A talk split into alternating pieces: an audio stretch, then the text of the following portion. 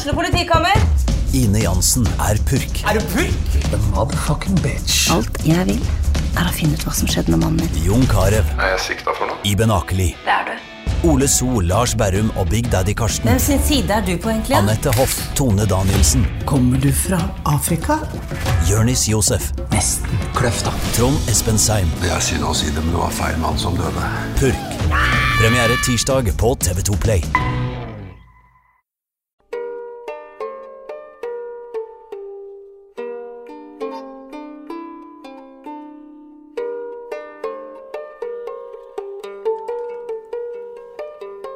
Hei og hjertelig velkommen til eh, TBs historiepod. Jeg heter Knut Erik Lahn, og sammen med konservator på Slottsfjellmuseet, Cecilia Gustavsen, skal vi nå ta dere med på en reise gjennom Tønsbergs historie. Velkommen, Cecilia.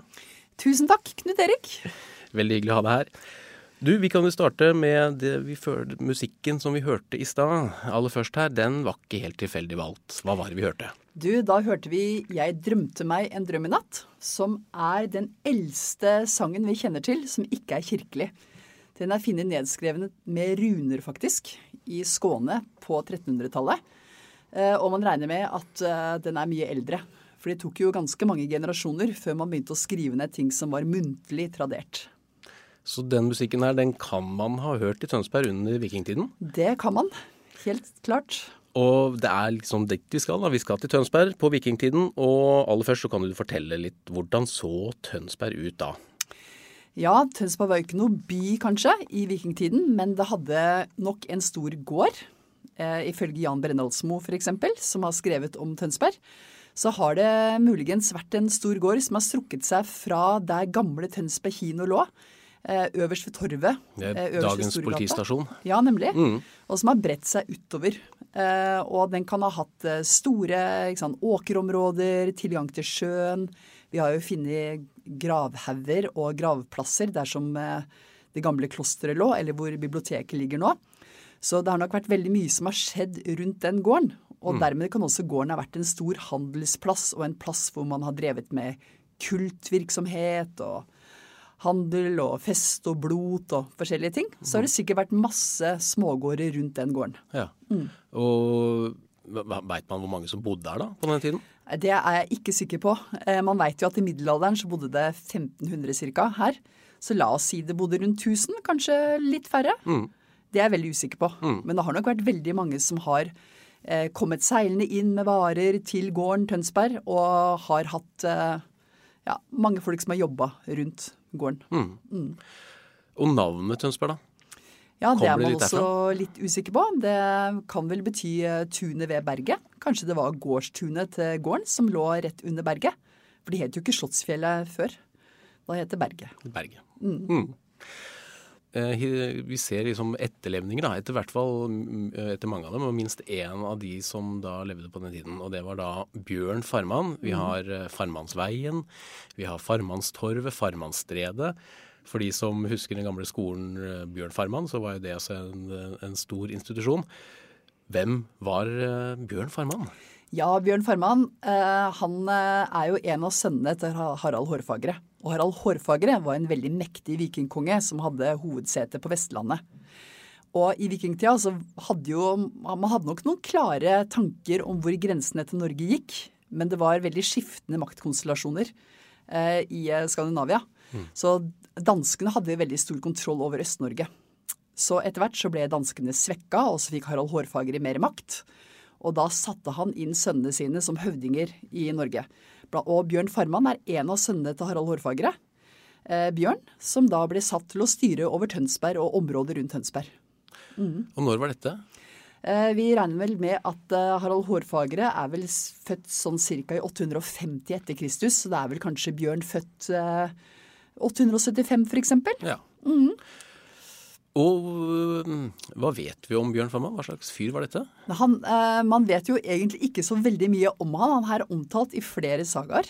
Eh, også et gammelt eh, kvad. I Øyvind Skallaspillers dikt så er han nevnt. Eh, han eh, blir kalt for farmann fordi han eh, ifølge Snorre så var han mer på handel, eller drev med eh, kjøpmannskap istedenfor å dra ut i krig. Så han har vært en veldig Eh, han blir omtalt som veldig vennlig, en sånn fredsjel mann, da. Som styrte over Tønsberg, og hadde hovedsete på gården Tønsberg, som vi nettopp snakka om, og også på Sem, der som Jarlsberg ligger nå, på Sem kongsgård. Og der er navnet Farmann. Ja. Hva ligger i, i det? Ja, det kan jo ligge litt forskjellige begreper i det, egentlig. Eh, Han er omtalt som kjøpmann et par steder i noen sagaer, eh, og det skjønner vi jo hva ligger i det. Han hadde nok eh, skip, kjøpmannsskip, og slo seg opp på den måten og ble veldig rik. Men farmann kan jo bety en som reiser, så han kan også ha reist. Så man er litt usikker på det, men han blir også kalt for kjøpmann, og derav farmannstredet. Derfor har vi den kjøper, kjøperstaden Tønsberg. Ja. Det strekker tilbake til det. Hva, hva, var det hva var det Bjørn handla med, da? Hva var det han solgte? Um, I vikingtida så handla man jo gjerne med varer som vikingene tok med seg hjem fra plyndringstokter. Og det kunne jo, la oss si Tønsberg, som var et sånn sentrum, da, et sånn kjøpmannssentrum, fikk jo da sikkert inn sull, eh, sølv og gull og krydder, vin kanskje, varer som han ikke hadde her, som han kan ha kjøpt opp og solgt videre. Eh, Men også huder og pels fra innlandet, kanskje jaktfalker fra Island og Grønland. At han handla med eksotiske varer, og også typisk norske varer som sild og ja, lokale produkter. Og det, dette passerte da gjennom Tønsberg, på en måte. Og Ja. Det er det som på en måte er eh, tingen her. At dette var, eh, dette var et sånn lite eh, senter for handel. Ja, og det er også omtalt i Snorre. Han omtaler jo Tønsberg som en kjøpstad. Og det kan bety at det kan jo selvfølgelig ha betydd at det har vært en by, men, også, men også at kanskje at det var vår- og høstmarkeder og ja, at det var senter for handel, rett og slett. Før man begynte å bygge det ut til en by som har liksom helt spesielle kriterier da, for å bli kalt en by. Mm. Men Bjørn Farman har nok vært en veldig mektig kar som har handla stort. eh, Og slått seg opp på den måten. Ikke via hærferd, som f.eks. broren hans Erik Blodøks, men via handel. Og vært flink med penger. Godt likt, ifølge sagaene. Og så blir han jo også drept av broren sin. Ja, for det, når du har en bror som heter Eirik Blodøks, Ja, det- og, er en, og er en fredelig handelsmann selv, da står det da, da har du ikke så store sjanser. Fortell Nei. hva som skjedde. Ja, eh, visstnok så skulle da han Erik Blodøks eh, komme til Tønsberg og kreve skatter, skatteinntektene til eh, broren Bjørn, da. For å gi til faren sin Harald Hårfagre på Vestlandet. Og Erik Blodøks var jo, er jo beskrevet som en fyr som ikke hadde like god kontroll som Bjørn. Som brukte penger og var mye hærferd og vilter, ikke sant. Så kanskje han ville ha pengene til Bjørn for å ta med hjem til faren sin, for å sikre seg eh, kongedømme, ikke sant? Eh, så, men Bjørn ville ikke gi fra seg noe penger, så da ble han drept av Erik Blodøks. Og veit vi hvor det skjedde? Ja, det gjør vel, gjør vi ikke det? Jo, det skjedde på Sem. Eh, på, på kongsgården på Sem. Og øh, det er der man også mente at øh, Bjørn Farman blei begravd. Ja, det står også i Snorre og andre sagaer at uh, Farmannshaugen, som vi ser fra Semslinen når vi kjører forbi, den skal huse Bjørn Farman. Men så har jo den blitt undersøkt, da, den haugen, og der fant man jo ingenting. Så han ligger ikke der. Men i 2017 så kjørte fylkeskommunen georadar over området, og da fant man jo rester etter mange gravhauger. Så det kan jo hende Bjørn Farman har ligget i en annen gravhaug som er pløyd over. Og noen tenker seg jo kanskje at den haugen vi ser veldig tydelig, som står igjen der, at det kan være en sånn kenotaf, da. Kanskje en minneshaug over Bjørn Farman. Det vet man ikke. Har den vært gravd ut? Ja, den har vært undersøkt. Og da fant man jo noe brannlag og noe kull. Akkurat. Akkurat. Så man fant ikke noe Hva, hva betyr det at man fant det? Hva tyder det på? ja, Det tyder på at det har vært en branngrav. Men det er ganske uvanlig i vikingtid. Det slutta man med egentlig i romertid, eller sånn 550 etter Kristus. Akkurat. Så slutta man med det, da. Mm, altså å brenne. Ja, Brenne opp ja. eh, de som lå der. Mm. Og så Det kan du tenke på når dere, neste gang når dere kjører eh, fra byen og ut mot Jarlsberg Mm. og kikker opp på høyre hånd der. sånn rett, Det ligger ganske fint sånn i siktlinja opp mot, uh, mot uh, Jarlsberg hovedgård. Så Ja. Mm. ligger en haug midt ute på jordet med masse trær på. Det er denne haugen. Det er denne haugen, ja. Og det, for så vidt det lille man veit om Bjørn Farman, da, hvor er det man, uh, hvor er det man veit dette her fra? Man veit det fra, fra sagamaterialet, og særlig Snorre, som vi bruker veldig mye. Men han er også omtalt i en saga som heter Ågrips, som er eldre enn Snorres kongesagaer fra 1100-tallet. Og Ågrip betyr eh, et sammendrag av sagaen, da. Der er han nevnt. Og så er han også nevnt i et dikt fra Øyvind eh, Skallaspillers dikt, som er fra 900-1000-tallet, som kan ha vært samtidig med Bjørn Farman. Eh, hvor han er nevnt som, av, som broren til Håkon Adelsteinsfostre. Eh, altså en av kristningskongene. Håkon den gode. Mm, der er han nevnt.